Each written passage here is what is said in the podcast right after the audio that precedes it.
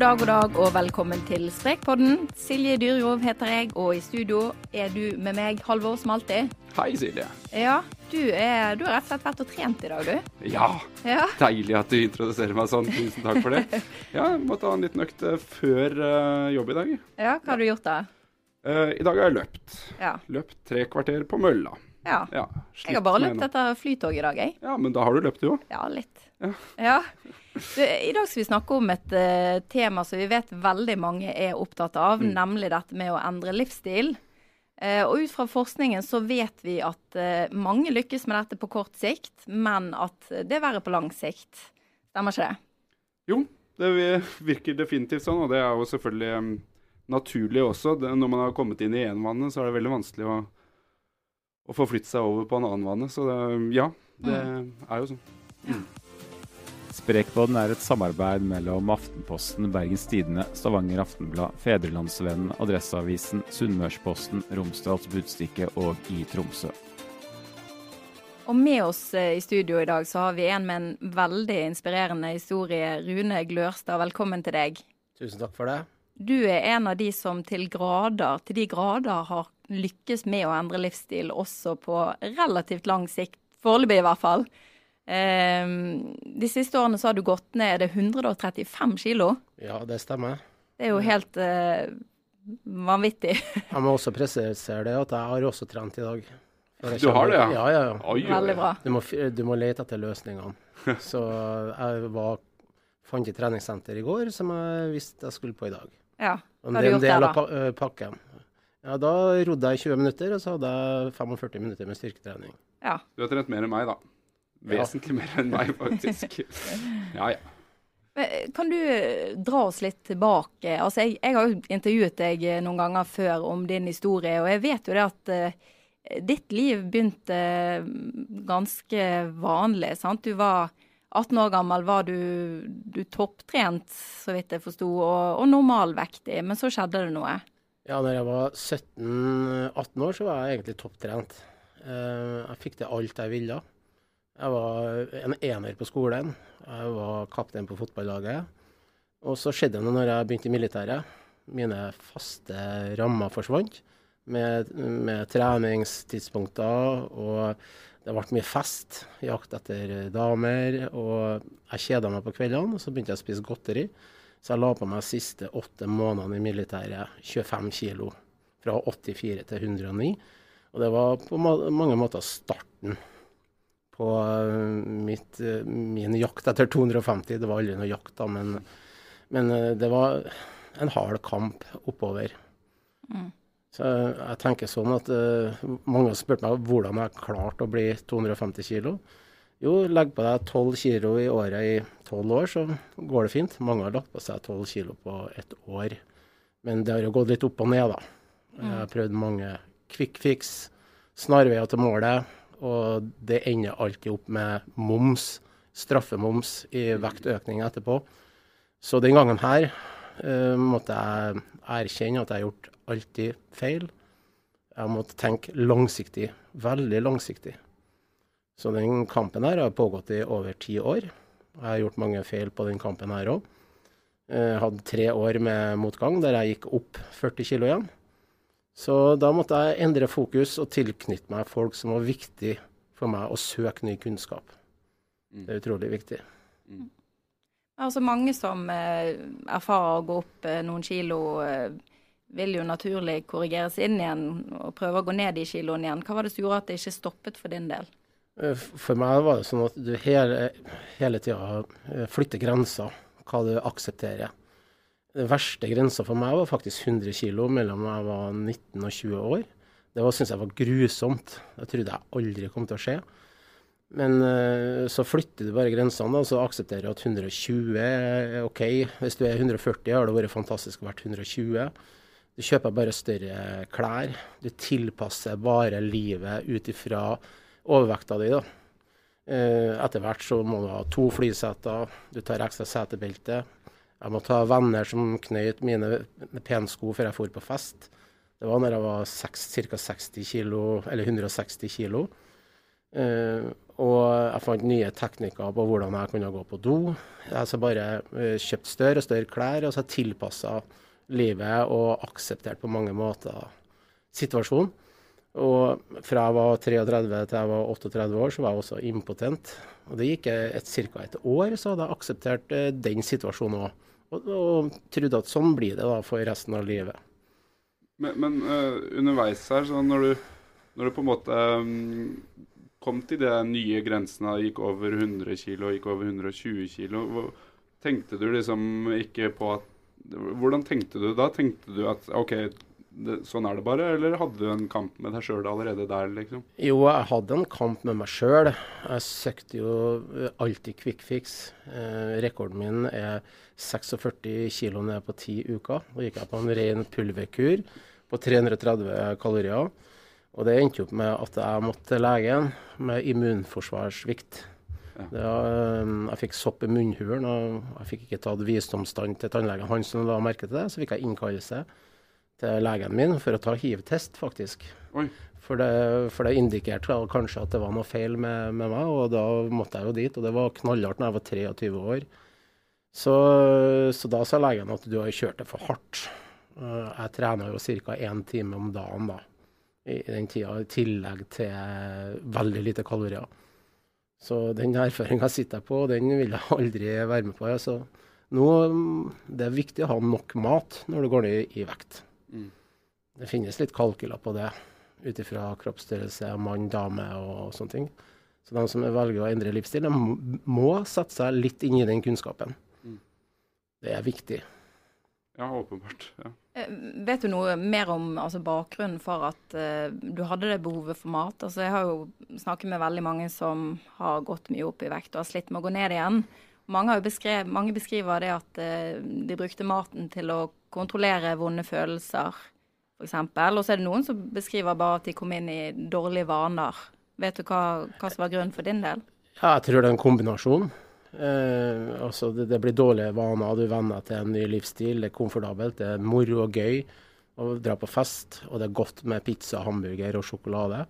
Til slutt så blir det en slags avhengighet, og da blir det også en trøst. For livet er slitsomt når du begynner å bli ekstremt overvektig.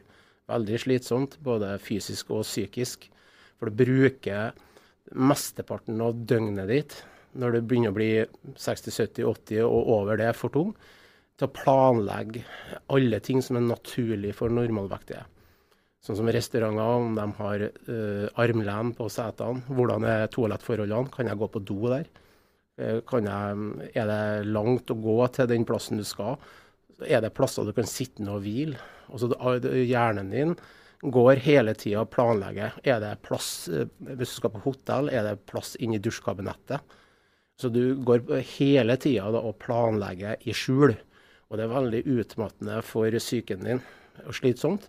Og det fører gjerne da til at du spiser enda mer av sukker og usunn mat for å døyve den smerten. Du får en slags eh, For meg da, så var sukker en slags rus. Jeg må ta bare mer og mer. Og de siste årene så spiste jeg mellom 400 og 500 gram sjokolade hver eneste dag. Opp i seks liter med brus. Eh, og det var for at jeg ville ha det kicket, den rusen som sukkeret ga meg. Eh, og du blir fanga i den livsstilen. Og etter jeg tok alt det sukkeret, så lovte jeg meg sjøl ikke i morgen, men jeg fikk abstinenser igjen. Og måtte ha sukker dagen etterpå. Og det foregikk for det meste i smug også. Gjorde det. Men hvordan kom man seg ut av den der rytmen der? Eh, som du sier, det må jo ha vært en voldsom mental påkjenning, det å være inne i en sånn rytme. og slitsomt å liksom hele tida måtte planlegge i detalj hva du, hva du, skulle, eller hvis du skulle ut eller et eller annet. Hvordan kom man seg ut av det? Eller hvordan kom du deg ut av det? Eh, for meg så var det en eh, Jeg hadde jo søvnapne. Det er sånn pustestans du har om natta. Som gjerne 40-åringer og mannfolk får hvis de er litt overvektige. Det er selvfølgelig også damer. Men uh, til slutt så satt jeg og så på seks dyner og to puter. Jeg satt vendt mot venstre, for da hadde jeg oppdaga at jeg pusta stopp færrest gang. Det handler litt om uh, amatonomi der med hjertet til venstre og, og, sånne ting. Vet jeg nå i dag, ja. Men jeg bare tilpassa livet mitt til det. Eh, og, og, det var en søvnapne i november 2007 som helt på tok livet mitt. En drukningsfølelse verre enn noen gang. Og da hadde jeg et møte med meg sjøl.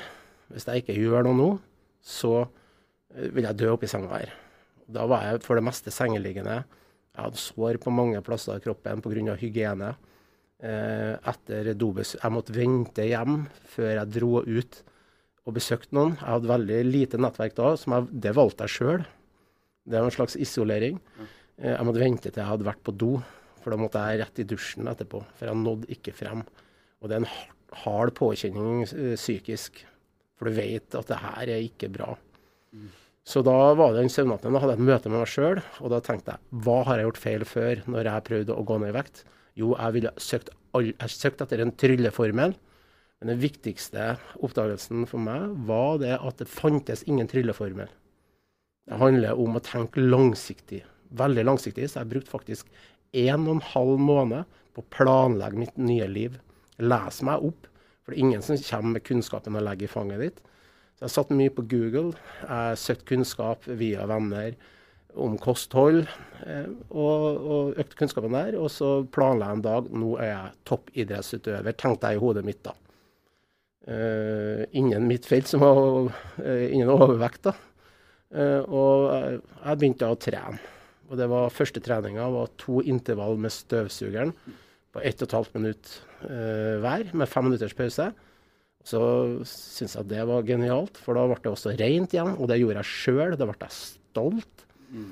Og da tenkte jeg at i morgen må jeg utvide. Da tørka jeg støv av stuebordet mitt og to intervall med støvsugeren. Så ble det stuebord og TV-benk og kjøkkenbenk og baderomsbenk. Og til slutt, etter to måneder, hadde jeg gjort rent hele huset mitt alene. Og det var fantastisk, for jeg hadde jo hjelp til det.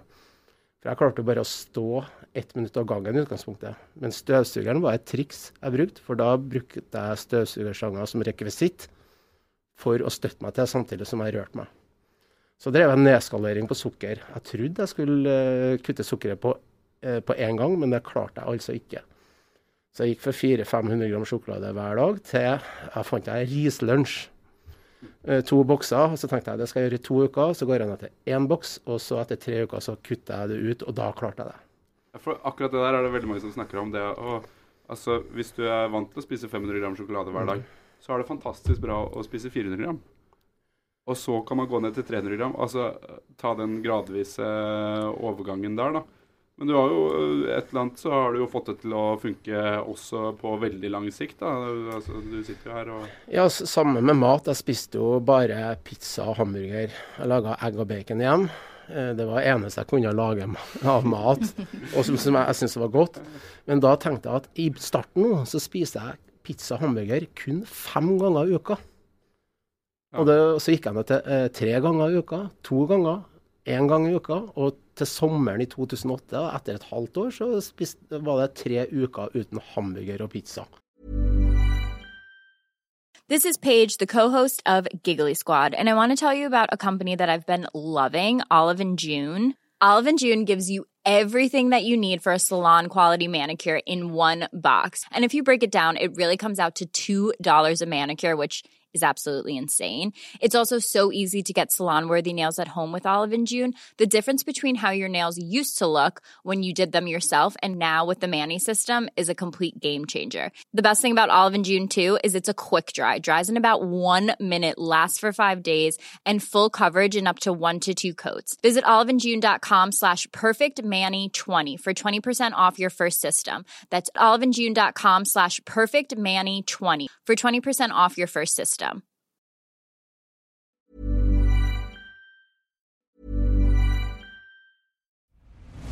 I'm Nick Friedman. I'm Lee Alec Murray. And I'm Leah President. And this is Crunchyroll Presents The Anime Effect. We are a new show breaking down the anime news, views, and shows you care about each and every week. I can't think of a better studio to yeah. bring something like this to life. And yeah, I agree. We're covering all the classics. If I don't know a lot about Godzilla, which I do, but I'm trying to pretend that I don't right Hold now. it in, hold on. And our current faves. And... Luffy must have his due. Tune in every week for the latest anime updates and possibly a few debates. Oof. I remember, what was that? Say what you're gonna say, and I'll circle back. You can listen to Crunchyroll Presents The Anime Effect every Friday wherever you get your podcasts. And watch full video episodes on Crunchyroll or the Crunchyroll YouTube channel.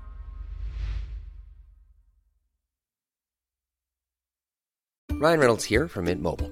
With the price of just about everything going up during inflation, we thought we'd bring our prices down. So to help us, we brought in a reverse auctioneer, which is apparently a thing. Mint Mobile unlimited premium wireless. Ready to get 30, 30, bit to get 30, bit to get 20, 20, 20, bit to get 20, 20, bit to get 15, 15, 15, 15 just 15 bucks a month. So, Give it a try at mintmobile.com slash switch. $45 up front for three months plus taxes and fees. Promo rate for new customers for limited time. Unlimited more than 40 gigabytes per month. Slows. Full terms at mintmobile.com. Da var jo jeg kjempestolt. Jeg var fortsatt kjempestor, men eh, jeg kjente det virka. Gnisten i øynene. Jeg hadde gått ned til min nest største dress, og det var masse gode nyheter. Og mm, med det fokuset i ett år og sju måneder, så var det en annen stor begivenhet som var fantastisk for meg. Jeg hadde jo vært impotent i fem og et halvt år. Jeg våkna en morgen, og jeg hadde morgensprø. Og, og det, er jo ingenting seksu det er jo ingenting seksuelt i det. Jeg forsto, selv om jeg fortsatt var over 200 kg, så skjønte jeg det inni den store kroppen. Så begynte jeg å bli frisk. Ja. Så da tenkte jeg hvis jeg fortsetter sånn, så vil det her skje flere morgener. Eller kanskje hver dag. Så, så det er masse gode nyheter på veien, så lenge du klarer å holde ut og tenke langsiktig. Mm. Det er jo sånne eh, små seire hele tida, da. Hele, ja, er ja, altså, ta de seierne. Jeg, jeg tenker også at det, den tilnærmingen eh, du hadde med å på en måte ikke bare kutte alt sant, med en gang, men å redusere gradvis. At det er mye smartere og mye lettere å lykkes da. sant? For det, eh, og det har jeg snakket med flere eksperter om, og de mener jo at eh, mange av de rådene som er i dag, de, de er så ekstreme. sant? Det blir så enten-eller. Og da er det så lett for å ikke klare å vedlikeholde det, sant? og falle ut og bare gi opp. Der er, mange, der er mange som gjør feil, vet du. Jeg, jeg har snakket jo med en del overvektige. Og de er ute, de skal trene hardt. Og de skal Mm. trene sju dager i uka. Det går ikke i lengden. Så ser jeg overvektige, de er ute og går på asfalt. Og det varer maks en måned, det. Så har du betennelser. Og, og jeg fraråder faktisk å gå på grusvei. Da. Jeg vil at folk skal ut i terrenget, trene motorikk, for da vil du få større glede av Du er avhengig av motorikken i, i hverdagen òg. Mye bedre bevegelser. Eh, og så underveis da, så vil du oppdage masse gode nyheter som du har glemt, egentlig. Sånn som jeg måtte gå ned 80 kilo før jeg kunne klart å knytte skoene mine. Og det var jo fantastisk. Uh, og nå, når jeg knytter skoene mine i dag, så smiler jeg nesten hver eneste gang. For det er så lett, og jeg er så stolt over at jeg knytter skoene mine. Det er sånne uh, banale ting som betyr utrolig mye.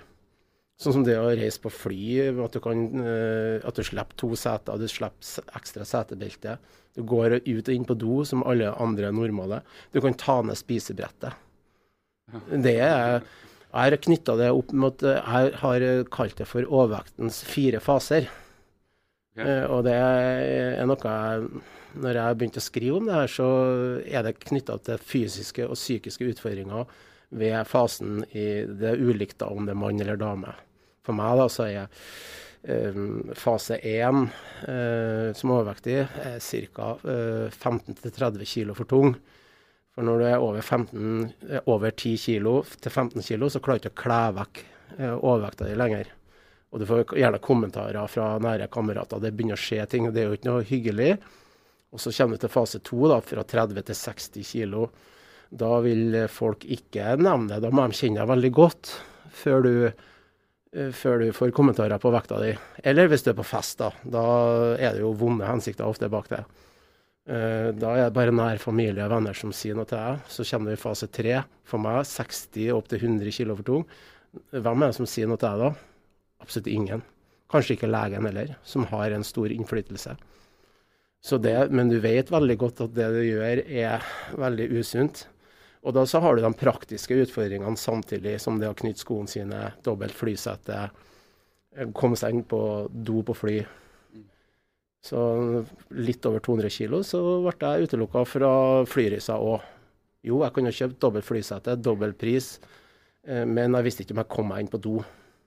Eller om jeg fikk plass på do. Og da ble du, da ble du isolert fra den måten òg. Sammen med buss og, og tog, egentlig. Ja. Så en del psykiske utfordringer i tillegg, da, som du driver og planlegger. Mm.